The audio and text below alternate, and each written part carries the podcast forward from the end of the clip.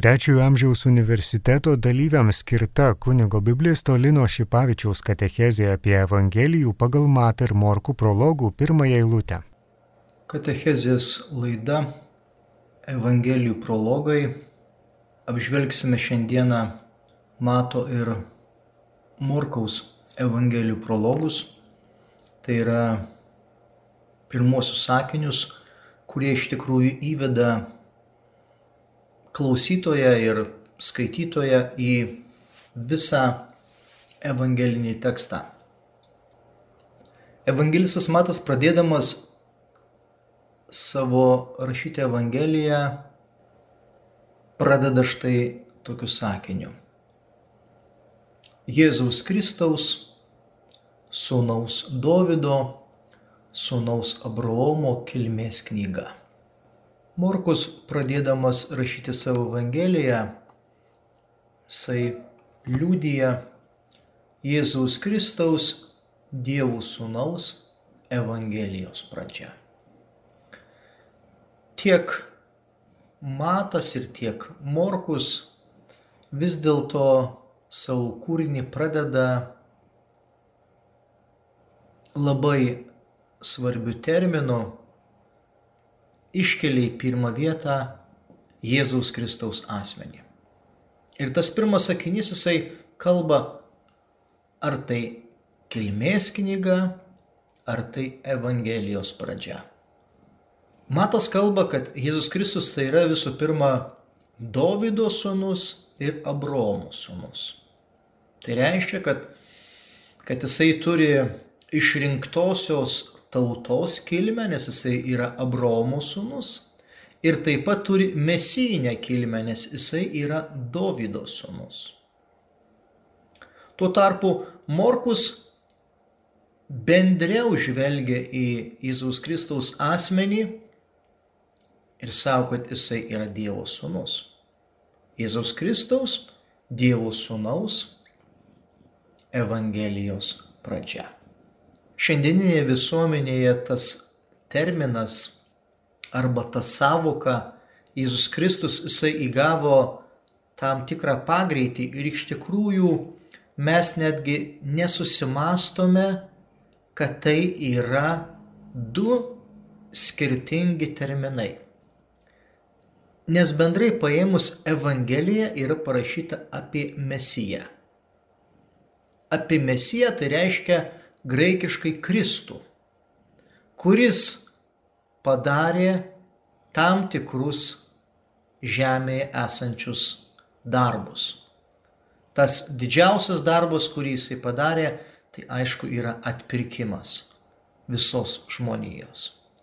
Ir dėl to Evangelija kalba, kad tas Mesijas arba Kristus tai yra būtent Jėzus. Arba kitais žodžiais Kristaus asmuo įsipildė Jėzaus žmogiškajame asmenyje. Kristus tai yra žemiškasis Jėzus. Per šitą prizmę mes galime pasižiūrėti į šios dienos katechezę. Visų pirma, sustokime ties pačiu asmeniu Jėzumi. Jėzaus vardas visų pirma reiškia tai, ką įprasta žmonių kalboje apibriežti vardu, o ypač Biblijos mąstymo būdė. Vardas apibrėžia tam tikrą esybę, jos konkrečią ir asmeninę individualybę, jos specifiškumą. Jis, o ne kažkas kitas, jis ir vien tik jis, tas Jėzus, taip apibrėžė daugelį tekstų. Apreiškimas apaštalo Jono, pirmas skyrius 11 eilutė, antras skyrius 36 eilutė, penktas skyrius 30 eilutė ir devintas skyrius 17 eilutė. Tas apibrėžimas aiškiai ar nelabai aiškiai išsakytas krikščionių beveik visada nurodo pagrindinę tiesą. Kad asmuo apsireiškęs kūne ir dieviškoji būtis, tikėjimo objektas yra vienas ir tas pats. Dievas padarė viešpačiu ir mesiju tą Jėzų, kurį nukryžiavote. Apie tai liudija apaštalas Paulius. Tasai Jėzus paimtas nuo jūsų į dangų sugrįž taip pat. Apie tai kalba Evangelija. Mes tik regėme tą trumpam laikui mažesnį negu angelai Jėzų, už mirties kentėjimus apvainikuotą didybę ir garbę. Laiškas žydams, antras skyrius, devintoji lūtė. Tokios patrušies yra apreiškimas Sauliui Damasko kelyje, kurio dėka jis atsivertė. Aš esu Jėzus, kurį tu persikėjai. Apaštalų darbai 9 skyrius 5 eilutė, 22 skyrius 8 eilutė ir 26 skyrius 15 eilutė. Apreiškimas ne tik atskleidžia persekiotojų viešpaties glaudžiai susijęta su jo išpažinėjais buvimą, bet ir suteikia progą stebėti tapatumą. Taip staiga jam pasirodžiusios dangiškosios esybės ir to Galilėjos mokytojo, kurį Saulis su didžiausia neapykanta persekiojo. Nors Paulius priklausė tiems žmonėms, kurie nepažino Jėzaus pagal kūną, jisai apie tai liūdija antrajame laiške kurintiečiams, penktajame skyriui 16 lūtėje, tačiau jį pagavo Jėzus Kristus visiems laikams. Jisai užsimena laiške filipiečiams trečiajame skyriui 12 lūtėje. Jis aukoja visas asmeninės naudas, kad tik laimėtų Kristų. Galingasis Kristus pripildęs visą visatą savai didybę, lieka toliau tas pats Kristus. Kaip esame prieėmę viešpati Kristų Jėzų, taip ir gyvensime jame. Apie tai kalba laiškas kolosiečiams. Jėzus iš Nazareto arba Jėzus Nazarietis. Taip dažnai yra vartojama Evangelijose. Kaip žmogus gimęs iš moters pavaldus įstatymui. Laiškas Galatams, ketvirtas skyrius, ketvirtoji lūtė. Jėzus į pasaulį atėjo tam tikru apibrieštų laiku. Kvirinui valdant Siriją. Juozapo iš Davido namų paprastoji šeimoje gyvenusiojo Galilėjos mieste, kuris vadinasi Nazaretas. Evangelistas Lukas apie tai kalba antrajame skyriuje. Vardas, kurį jis ir kaip kiekvienas žydų berniukas gavo apipjaustimo metu, nėra išskirtinis Izraelyje. Tačiau Dievas būtent šitame vaike apsireiškia Emanueliu, o tai reiškia Dievo su mumis. Tokiu būdu realizavo pažadą duotą pirmajam, kad bus su juo ir apsireiš kaip Jahvi išganytojas. Ir atrodo tokia paprasta jo kilmė, kad prie jo vardo nepridėjo nei jo tėvo ir protėvių vardų, kaip dažniausiai buvo daroma garbingose šeimose. O paprasčiausiai pavadino jį pagal gimtojo miesto Nazareto vardą. Vėliau Mato ir Luko genealogijoje buvo pabrėžta Jėzaus karališkoji kilmė. O štai pirmose tikėjimo išpažinimuose buvo populiarus vardas Jėzus Nazarietis. Apie Kristų ir jo veiklą Evangelija pasakoja naudodamasi Jėzaus vardu. Tačiau dažniausiai jis vadinamas rabi, tai yra mokytoju. Apie tai kalba Morkaus Evangelija ketvirtas skyrius 38 eilutė, penktas skyrius 35 eilutė ir dešimtas skyrius 17 eilutė. Po jo mirties ir po žengimo į garbę daugiau pradėtas vartoti žodis viešpats. Tačiau Evangelijoje be kelių išimčių vartojamas vardas Jėzus. Nėra čia koks dirbtinis bandymas perduoti ano metų kalbėseną buvusią prieš krikščioniško tikėjimo atsiradimą. Kai Jėzus dar nebuvo pilnai save atskleidęs ir kai daugelis žmonių matė jame tik žmogų. Iš tikrųjų, Evangelija be jokio dirbtinumo seka tikėjimu, o jis tam Jėzui, tam konkrečiam asmeniui teikia dieviško išganimo titulą, kaip pavyzdžiui viešpats. Apaštalų darbai, pirmas skyrius 21 eilutė, antras skyrius 36 eilutė, devintas skyrius 17 eilutė ir toliau. Sekantis terminas Kristus. Taip pat kalba paštalų darbai išganytojas ir Dievo sūnus, Dievo tarnas. Kas liečia terminą išganytojas, graikiškai soter, galėtume gal tiksliau versti gelbėtojas, išgelbėtojas. Tai atitiktų labiau tą graikišką sampratą nei išganytojas. Pristatydama Jėzų Evangeliją visuomet ištikima savo paskirčiai. Evangelija tai geroji naujiena apie Jėzų, apie Jėzų Kristų, apie viešpatį Jėzų. Jono Evangelijoje labiausiai pabrėžimas Kristaus dieviškumas. Parodoma kiekviename veiksme viengimio sūnaus garbė ir aukščiausio žmogaus sūnui suteikta valdžia. Nepraleidžiam progą vis paminėti Jėzaus vardo. Dar daugiau, kartoja jį net tada, kai atrodo visiškai to nereikėtų. Pavyzdžiui, paprasčiausiuose dialoguose. Jono Evangelija, ketvirtas skyrius, šeštoji eilutė, vienuoliktoji eilutė, vienuoliktas skyrius, 32 ir iki 41 eilutės. Tokios rūšės rūpestis išpažinti Jėzų Kristų kūnė atėjusi išreiškia įsitikinimą, kad kiekvieną kartą ištarus tą vardą prisiliečiame prie gyvenimo žodžio. Atskleidžiamas visas jo turtingumas. Evangelija pagal Joną, pirmas skyrius pirmoji lūtė ir pirmas laiškas Jono, ketvirtas skyrius antroji eilutė. Taigi Jėzaus vardas yra viršesnis už visus vardus.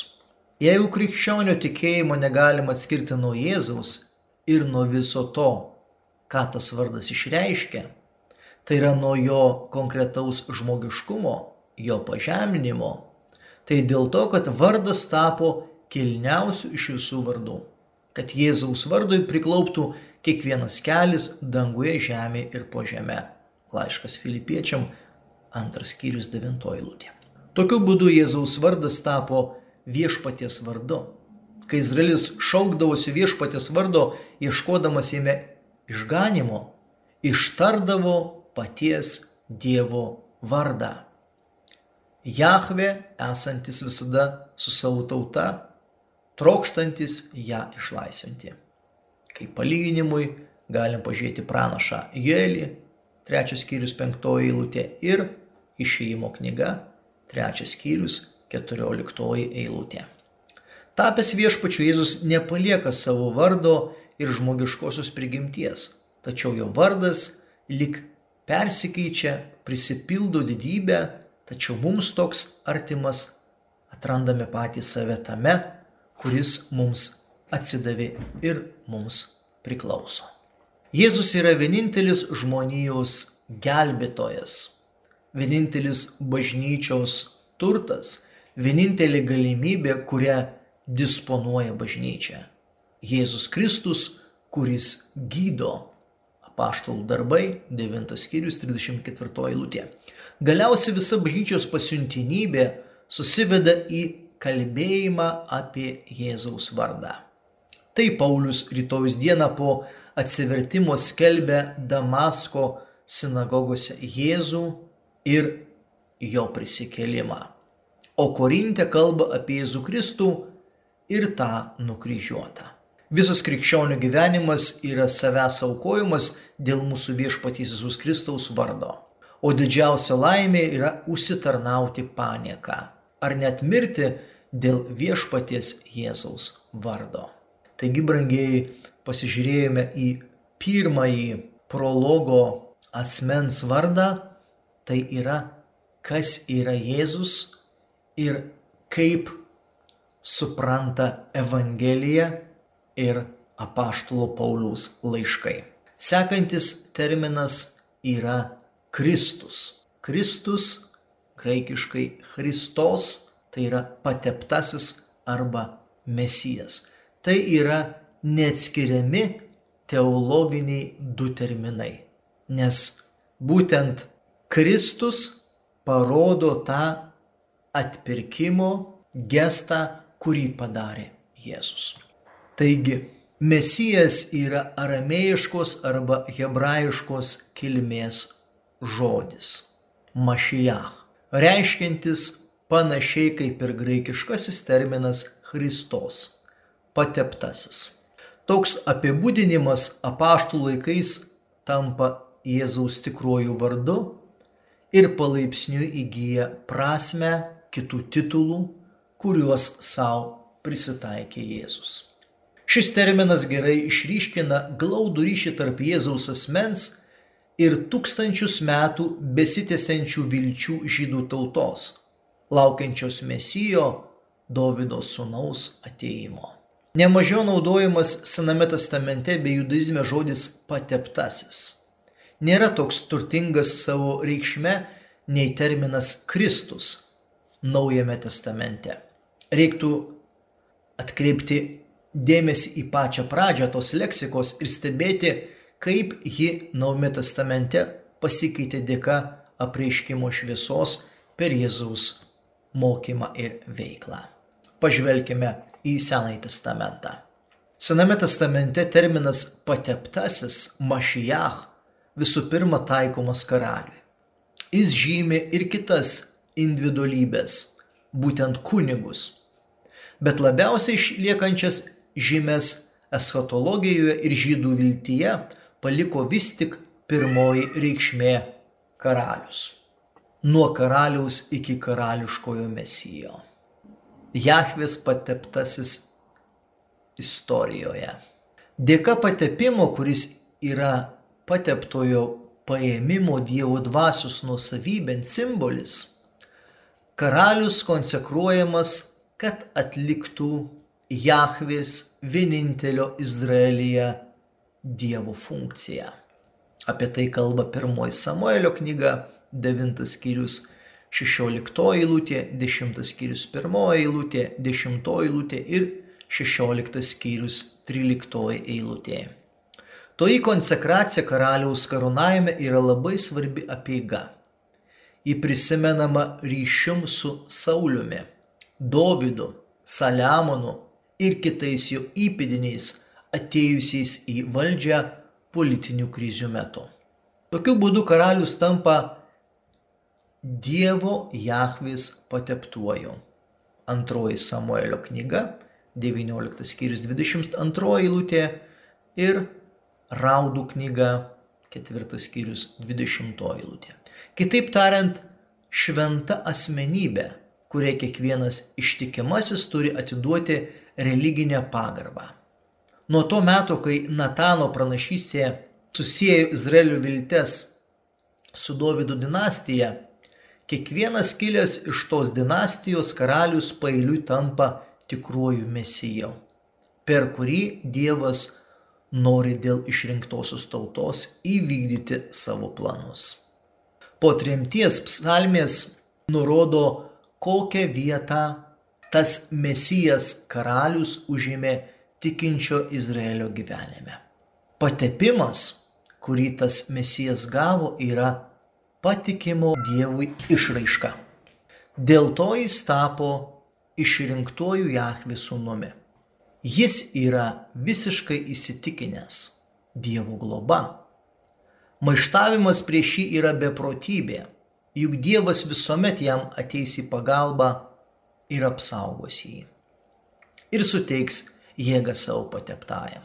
Šalia viso to žmonės meldžiasi už jį ir koks didelis nusivylimas apims visus po Jeruzalės sugriuvimo, tai Jahvės pateptasis taps pagonių kaliniu. Kodėlgi Dievas atmetė savo pateptąjį ir leido pagonims jį įžeidinėti? Klausia 89 psalmė, 39 ir 52 eilutės. Dovido dinastijos nužeminimas yra tikėjimo išbandymas. Tas išbandymas tęsis ne tada, kai po tremties Izraelis atsinaujins. Iš tikrųjų, viltys prikelti dinastiją atgaivinta trumpam laikui per Zorobabelį greitai užgeso. Zorobabelis niekada negaus karūnos ir jo niekada Mesijas karalius nestos žydų tautos priešakyje. Pranašo Zacharijo knyga, šeštas skyrius, devintoji iki keturioliktos eilutės. Pranašai dažnai labai griežti valdančiam jų įsitikinimu neištikimam pateptajam. Visas Izraelio viltis kreipia į būsimąjį karalių, kurio beje niekada nevadino mesiju. Karališkasis mesianizmas įsivysto laikotarpyje po tremties, atsiminant pranašų pažadus. Karališkosios psalmės, kurios kalbėjo kadais apie esamą pateptąjį, dabar gėdamos kitokia dvasia kviečia galvoti apie būsimąjį pateptąjį, apie mesiją tikrąją to žodžio prasme. Visų pirma, jos aprašo jo garbę ir kovas, pergalės. Žydų viltys atranda atramą būtent tuose šventose tekstuose ir tampa išmintingai gyvos Naujojo testamento laikais, ypač tarp fariziejų. Saliamono psalmių autorius išreiškia savo troškimus kai kalba apie Mesijo Dovido sūnaus ateimą. 17 psalmė 18 eilutė. Ta pati tema dažnai iškyla rabinistinėje literatūroje. Visuose tokios rūšies tekstuose Mesijas yra traktuojamas kaip seniai Izraelio karaliai. Jo viešpatavimas apribojamas teokratinės institucijos rėmais. Tas viešpatavimas suvokiamas labai realistiniu būdu išryškinamas jo pasiuntinybės politinis aspektas. Kiti termino Kristus pateptasis mesijas pavadinimai arba pavartojimai. Visų pirma, tai yra Dievo arba Jahvės pateptasis. Dieviškasis patepimas paskyrė karalių uždaviniams, labai tampriai susijusiais su Dievo planais jo tautos atžvilgiu. Platesnė metaforinė prasme Sename testamente kalbama apie dievišką patepimą ne tada, kai reikia atlikti tam tikrą misiją, bet tokią misiją, kuri savyje turi Dievo dvasios dovaną. Dievų sustasis kyras, kadangi išlaisvino izraelitus iš babiloniečių nelaisvės, yra vadinamas Dievo pateptuoju. Pranašas Izaijas 45 skyrius 1 eilutė lyg jo karališkoji sakra jį specialiai būtų paruošusi įvykdyti tą lemtingą misiją. Pranašai nebuvo ruošiami jų pasiuntinybei aliejaus patepimu. O vis tik Elijas gauna paliepimą iš Dievo patepti Eliziejų, kad būtų jo pranašu. Pirmoji karalių knyga, 19 skyrius, 16 eilutė. Ta Išsireiškimą reikia suprasti įvykio šviesoje, kai Elijas perdavė Eliziejui dvi dalis savo dvasios. Antroji karalių knyga, antras skyrius, devintoji eilutė. Iš tikrųjų, apie tokį pranašo patepimą per Dievo dvasę kalba pranašas Izaijas 61 skyriui pirmoji eilutėje. Patepimas jį įtvirtina būti gerosios naujienos skelbėjų tarp vargšų. Todėl ir Dievo tautos nariai esantys jau Jahvis pranašai vieną kartą pavadinti Jahvis pateptaisiais. 105 psalmė, 15 eilutė, taip pat 28 psalmė, 8 eilutė ir pranašas Habakukas, 3 skyrius, 13 eilutė. Visi tie termino Jahvis pateptasis pavartojimai turi vis dėlto susiklošiusių aplinkybių charakterį. Sekantis momentas yra kunigai kaip pateptieji. Joks tekstas iki tremties nekalba apie kunigų patepimą. Po tremties kunigystės autoritetas auga. Kai dabar nebėra karaliaus, vyriausiasis kunigas tampa visuomenės galva. ir būtent tada, kai turi apimti tą funkciją, gauna patepimą. Vėlesni tekstai kunigų tradicijos aplinkoje, trokštant pabrėžti tos apieigos svarbą, sieja jos pradžią su paties Arono asmeniu. Išėjimo knyga 29 skyrius 7 eilutė, 30 eilutė, 30 skyrius nuo 22 iki 33 eilutės ir psalmė 133 antroji eilutė. Laikui bėgant patepimo praktika apima visus kunigus. Šeimo knyga 28 skyrius 41 eilutė, 30 skyrius 30 eilutė ir 40 skyrius 15 eilutė. Nuo to meto vyriausiasis kunigas tampa kunigu pateptuoju arba kunigu mesiju. Kitaip tariant, tikruoju mesiju, koks kadaise buvo karalius. Pratesiant tam tikrus pranašų tekstus, tam prisėjančius eskatologinę karalystę su kunigystė, kai kuriuose aplinkose paskutiniais laikais buvo laukiama dviejų mesijų. Pirmasis tai yra kunigas mesijas, galintis džiaugtis dideliu autoritetu ir karalius mesijas, kuriam turėtų priklausyti laikiniai dalykai. Užsimenama apokrifiniuose raštuose 12 patriarchų testamentų iš Kumrano. Tačiau ta atskira mesijų laukimo vilčių forma buvo žinoma tik aplinkoje esenų pasiliekančių svarioje kunigų įtakoje. Mesijo laukimas, mesijo karaliaus laukimas buvo visur ir mesijo kunigo tam tikrose sluoksniuose užima labai svarbią vietą žydų schatologijoje. Tačiau švento rašto pažadai nesusiveda į mesianizmą siaurąją prasme. Dažnai bes, besavaikaujančių su svajonėmis apie Izraelio prašmatnumo susigražinimą. Taip pat pranašauja jie ir apie Dievų karalystės įkūrimą ir nurodo išganytoją Jahvės tarną žmogaus sūnaus asmenyje. Visų šitų mesijo laukimo duomenų sukoordinavimas nėra nei labai paprastas, nei lengvas. Bet Jėzus ateimas nustums visas tokių pranašyščių dviprasmybės. Žvelkime į Naująjį Testamentą, Jėzų ir mesijo laukimą. Jėzaus šventumas, valdžia ir gale kėlė įspūdį ir žmonės jo klausėsi ir klausinėjo, ar tik jis nebus mesijas. Apie tai kalba Jono Evangelija, ketvirtas skyrius, 29 eilutė ir septintas skyrius, 40 eilutė. Arba kas reiškia tą patį ar nebus šitas Dovido sūnus? Mato Evangelija, 12 skyrius, 23 eilutė. Ir klausia Jėzaus, kad atvirai pasakytų. Dėl šios problemos žmonės pasidalino į dvi stovyklas. Iš vienos pusės žydų vadovai yra apsisprendę išmesti iš savo visuomenės kiekvieną, kas išdrįstų prisipažinti mesiju. Iš kitos pusės tie, kurie šaukėsi jo stebuklus darančios galius, atvirai jį vadina Davido sūnumi. Mato Evangelija 9 skyrius 27 eilutė, 15 skyrius 22 eilutė ir 20 skyrius 30 eilutė. O jo kaip mesijo vertė yra objektas jų tikėjimo išraiškingų veiksmų.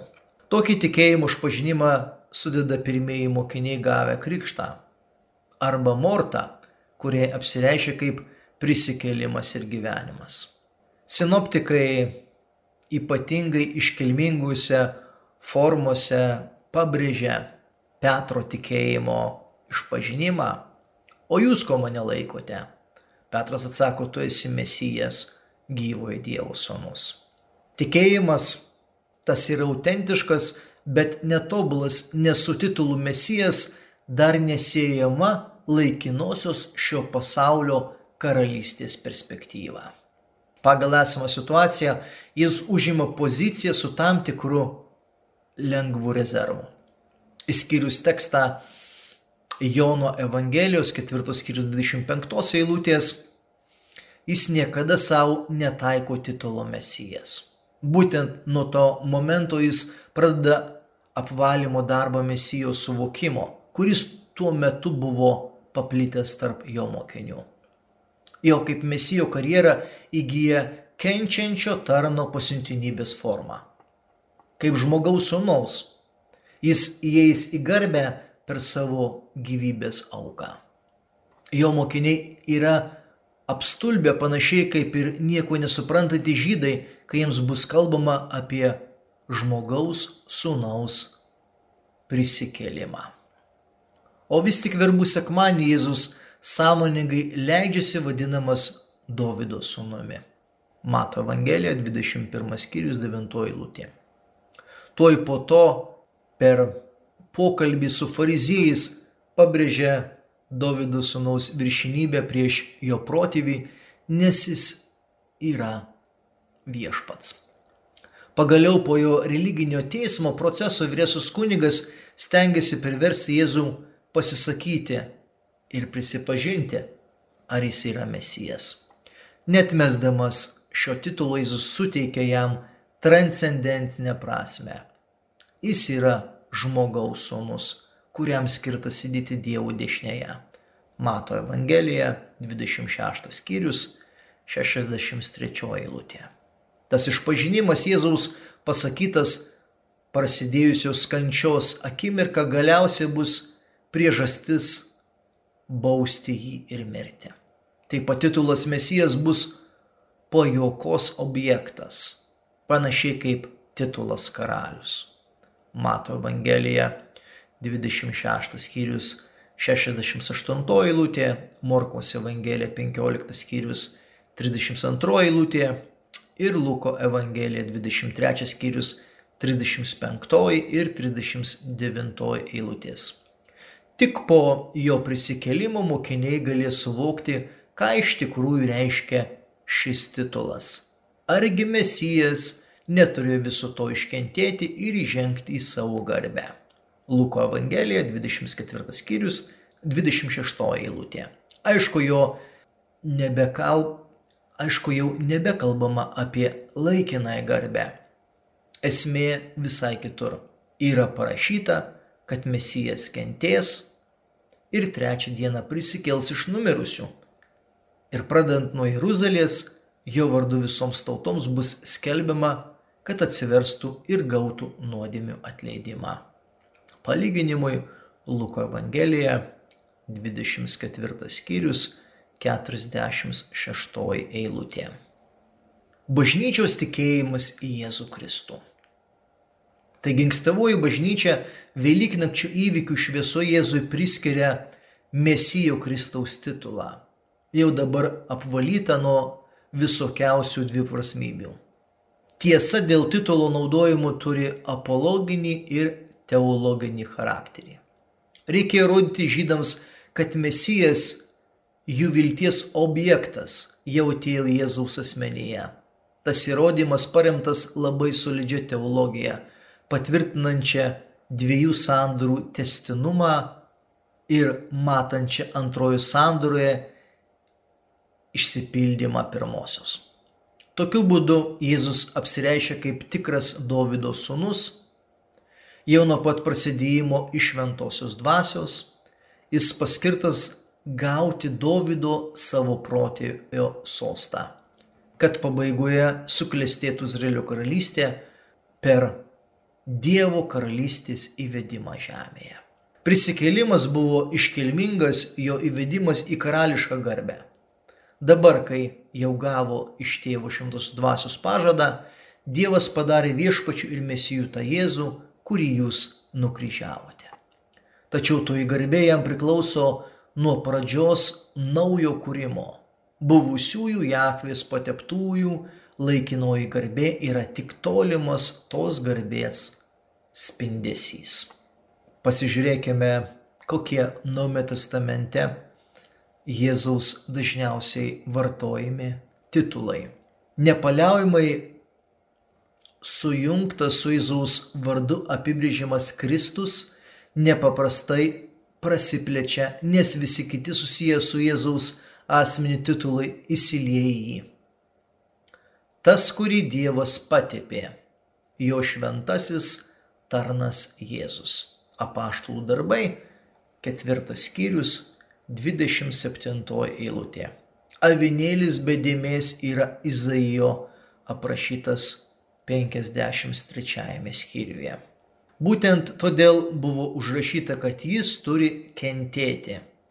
Ir jau iš anksto antroji psalmė pristato sąrašą tautų susibūrusių prieš viešpati ir jo mesiją. Ir Pauliaus Evangelija yra pasakojimas apie nukryžiuotą Jėzų.